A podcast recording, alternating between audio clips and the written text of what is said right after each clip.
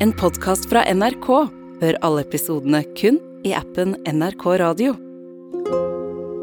Siden slutten av 60-tallet har rundt 20 000 barn blitt adoptert fra utlandet til Norge. Solskinnshistorier om barn som av ulike grunner trenger et nytt hjem. Men bak fasaden skjedde rystende ting. Barn ble brutalt kidnappa og solgt som en vare. Småbarn ser ut til å ha vært god salgsvare for de fem ekvadorianerne som nå er arrestert. Det er klart at de er dypt fortvilet. Det gjelder alle som har adoptert fra Ecuador. Nå viser det seg at norske myndigheter i det skjulte var mer involvert i skandalen enn man har trodd. Du hører på Oppdatert. Jeg heter Gry Veiby. Nå i januar kom VG og podkasten Alt fortalt med en oppsiktsvekkende avsløring om noe som skjedde for drøye 30 år siden. At barn rett og slett skal ha blitt ulovlig adoptert til Norge. Monica Flatabø, du er journalist i VG og har jobba med denne saken som har overraska veldig mange. Hvordan starta det? Det starta med tips fra svenske journalister. De hadde sett på sin egen adopsjonshistorie og funnet mye som skurra, og mye som ikke hadde vært etter boka. Og så visste vi jo også at i Nederland så har de funnet ut av akkurat samme. Så da begynte vi å tenke på hvorfor skulle ikke dette ha skjedd i Norge òg, og bestemte oss for å undersøke det. Og etter hvert så fant vi ut av noe som rysta oss, nemlig at eh, på 80-tallet så hadde flere barn blitt stjålet fra familiene sine i andre land, og så adoptert til Norge. Og det var jo veldig sjokkerende i seg selv, men dere fant ut av mer. Ja, for når vi gravde mer i denne saken her, så viste det seg at norske myndigheter ikke bare visste om denne skandalen, men de hadde faktisk også en finger med i spillet. Og i årevis så hadde de jobba hardt for å holde dette hemmelig for offentligheten. Og for ett foreldrepar så starta denne historien med det som i utgangspunktet var det lykkeligste øyeblikket i livet deres. Året er 1988, og på et fosterhjem i Ecuador sitter to spente nordmenn. Liss og Kjell fra Skien har reist til den andre sida av kloden og er nervøse, for de har venta på akkurat denne dagen her i flere år. Adopsjonsprosessen har vært full av usikkerhet, men nå skal det skje. Endelig skal de få treffe barnet de skal adoptere for aller første gang. I en leilighet som er fylt opp med sprinkelseng på sprinkelseng, så kommer da dette lille barnet mot paret for første gang. Det er en liten treåring med mørkt, kort hår og så store, undrende øyne. Og så er det kjærlighet ved første blikk. Og de er jo veldig letta, for det her har vært en lang prosess, Monica. Ja, for dette Liss og Kjell de har jo drømt om å bli foreldre i mange, mange år. Og etter at de omsider hadde fått eh, klarsignal fra norske myndigheter om at de var egna som adoptivforeldre, så hadde de samarbeidet med Adopsjonsforum, den eneste organisasjonen som formidlet adopsjoner fra Ecuador. Og noen dager seinere så setter Liss og Kjell seg på et fly i retning Norge med den nye datteren sin på fanget. I januar 1989 så har den lille familien på tre rukket å feire sin første jul sammen hjemme i Skien. Og den nye hverdagen har så vidt begynt å sette seg. Liss og Kjell har gitt den lille jenta navnet Camilla. Men en dag når Liss står på kjøkkenet, stivner hun plutselig til og får en vond følelse i magen når hun hører nyhetene på radioen. På nyhetssendingen så blir det fortalt at fem personer i Ecuador er arrestert, mistenkt for å ha stjålet barn og formidlet dem videre til adopsjon. Og så hører Liss noe som virkelig får henne til å reagere. Flere av barna skal være sendt til Norge, og nå vil myndighetene i Ecuador ha dem tilbake. De neste dagene så blir avisene tapetsert og TV- og radiosendingene fylt opp av det som får navnet Adopsjonsskandalen. Adopsjon av barn fra Ecuador i søkelyset etter mistanke om at flere barn er kidnappet før adopsjonen. Adopsjonsforum mener selv det juridisk sett vil være riktig å sende barna tilbake dersom det viser seg at de er bortført fra sine familier i Ecuador. Liss og Kjell de blir jo veldig bekymra for om dette kan ha noe med lille Camilla å gjøre. Betyr dette at de faktisk kan miste henne? Men de er ikke alene om å være redde, for flere steder rundt omkring i Norge så sitter det adoptivforeldre med barn fra Ecuador. De norske adoptivforeldrene er helt uh, uskyldige i disse forholdene. De har gått gjennom den strenge prosessen med å adoptere i Norge, og har også fulgt de ecuadorianske myndigheters bestemmelser. Eh, vi lurer jo på hvor i all verden kan eh, slikt skje, for det er jo et veldig grundig apparat rundt en eh, adopsjon. Hvordan kunne dette skje? Tre dager etter at saken sprekker, så håper de på at de kanskje får noen svar. Da kjører Liss og Kjell til Oslo, for i lokalene til Adopsjonsforum skal det være krisemøte. I et rom fullt av engstelige blikk så møter de andre par, som alle nå krever et svar fra Adopsjonsforeninga om hva som har skjedd. Men om de ønsker å bli beroliga, så skal de bli skuffa. For foran i rommet tar en representant fra Adopsjonsforum ordet, og han kan fortelle at foreningas faste samarbeidspartner i Ecuador, advokat Roberto Moncayo, nå er mistenkt for kjøp og salg av barn. Og alle foreldrene på dette møtet, de vet at de har én ting til felles. Alle deres adopsjonspapirer er signert av nettopp Roberto Moncayo. For enkelte av disse familiene så hadde han til og med levert barnet hjem til dem i Norge, og vært hjemme hos dem. Liss og Kjell drar hjem til Skien med en ekkel følelse i magen. Og den neste tida så får de stadige rapporter fra Adopsjonsforum, der det er tydelig at foreninga prøver å berolige foreldrene. De skriver at tida jobber for dem, og antyder med det at jo lenger tid som går, jo vanskeligere vil det bli å sende barnet tilbake til den biologiske familien sin. Hjemme i Skien så prøver den lille familien å ta dag for dag. Og nå har Camilla, som er helt uvitende om det dramaet som utspiller seg rundt henne, blitt mer urolig. Og hun vil ikke legge seg om kvelden. Bestefaren han har begynt å kalle henne for nattens dronning. Men det han og foreldrene ikke vet, det er at Camilla hun vil ikke sove fordi i drømmene så får hun stadig det samme marerittet. Hun drømmer om en bil og hender som tar henne. For Liss og Kjell så er det vanskelig, de står i en umulig spagat. De vil både sitte stille i båten for å unngå skrekkscenarioet at Camilla blir tatt fra dem, men samtidig så vil de jo finne ut alt om adopsjonen, for om det er sånn at de hadde tatt noen andres barn mot deres vilje, så var jo det forferdelig. De bestemmer seg for at det riktige nå er å komme til bunns i hva som har skjedd.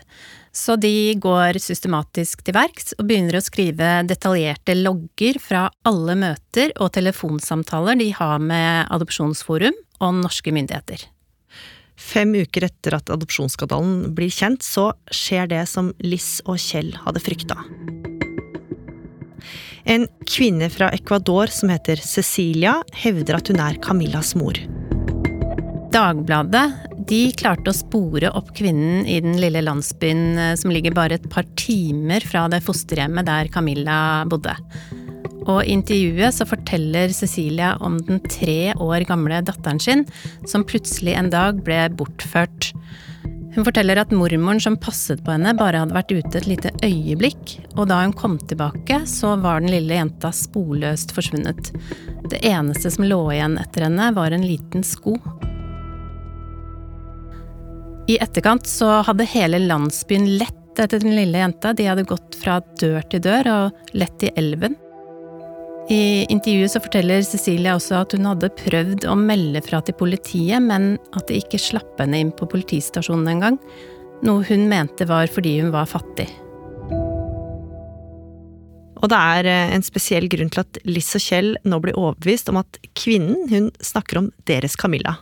Ja, for flere av detaljene i intervjuet de samsvarer med Camillas historie, eksempel datoen for når hun kom til Norge.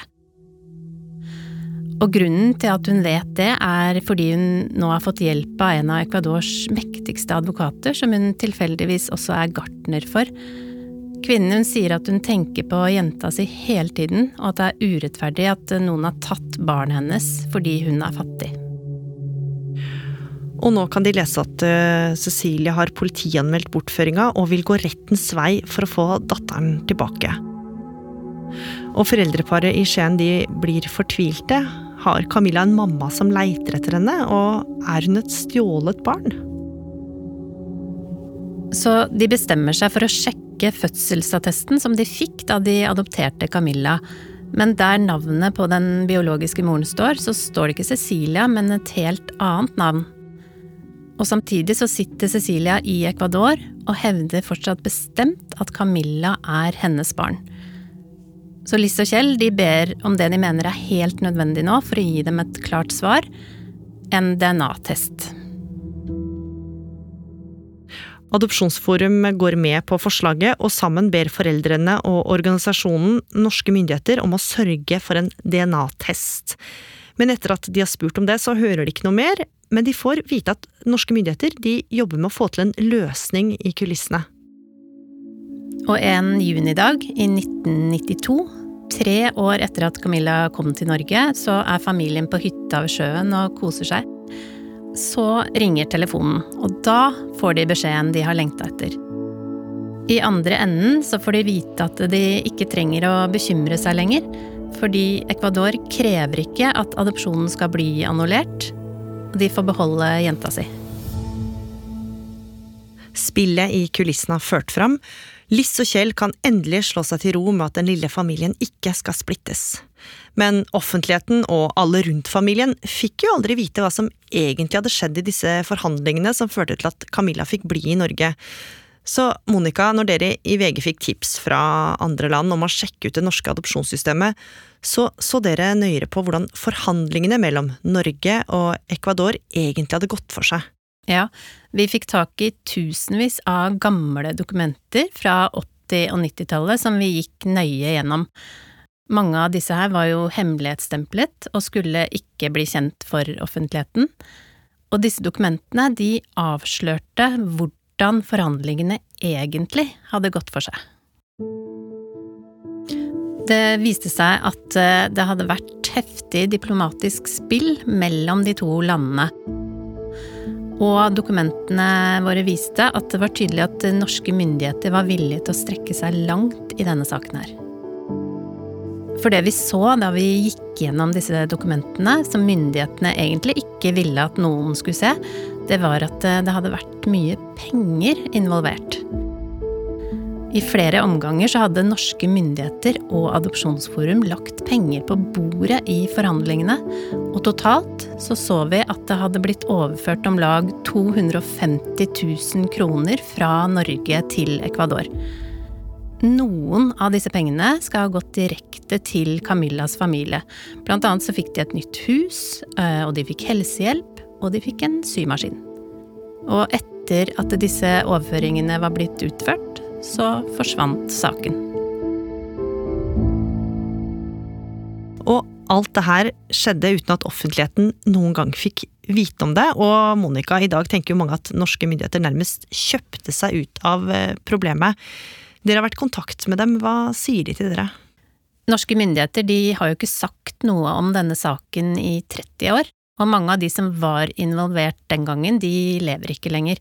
I dag vil ikke myndighetene si noe konkret om pengene som ble utbetalt. Vi har prata med barne- og familieminister Kjersti Toppe, som viser til at eh, dette er en sak som ligger langt tilbake i tid. Men hun kaller det som skjedde med Camilla, menneskehandel. Hvordan reagerer Camilla og foreldrene hennes på det som har kommet fram?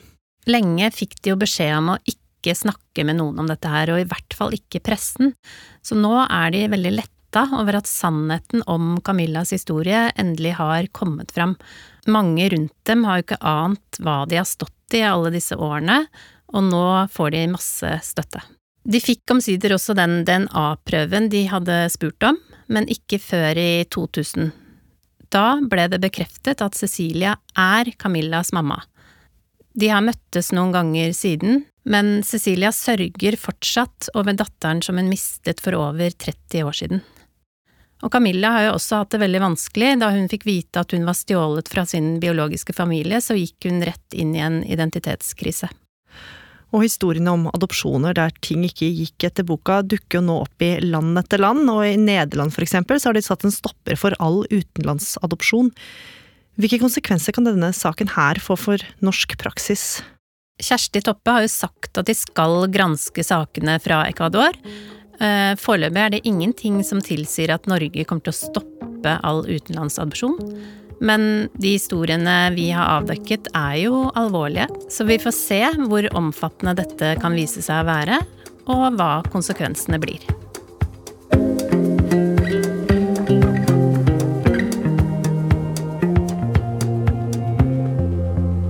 Oppdatert er en podkast fra NRK Nyheter, og denne episoden den ble laga av oss. Produsent Hanna Kolås. Lyddesign Espen Bjørlo Mellem. Vaktsjef Lars Hægeland. Og jeg heter Gry Veiby. Programredaktør er meg, Knut Magnus Berge. Klippene du har hørt, er fra NRK. Har du tips eller innspill, send oss en e-post, da.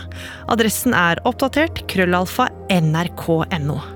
Og du, liker du det du hører, så må du gjerne tipse en venn om oss.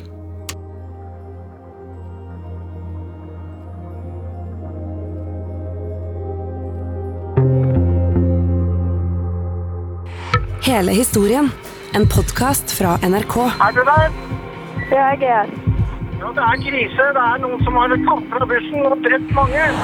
To ganger, med ti års mellomrom, blir Valdresekspressen kapret. I kveld, bussjåføren og en passasjer på Valdresekspressen ble angrepet med kniv. Det er fryktelig brutalt. Veldig målrettet. Han hogger for å drepe. Knivdrapene på Valdresekspressen hører du i appen NRK Radio.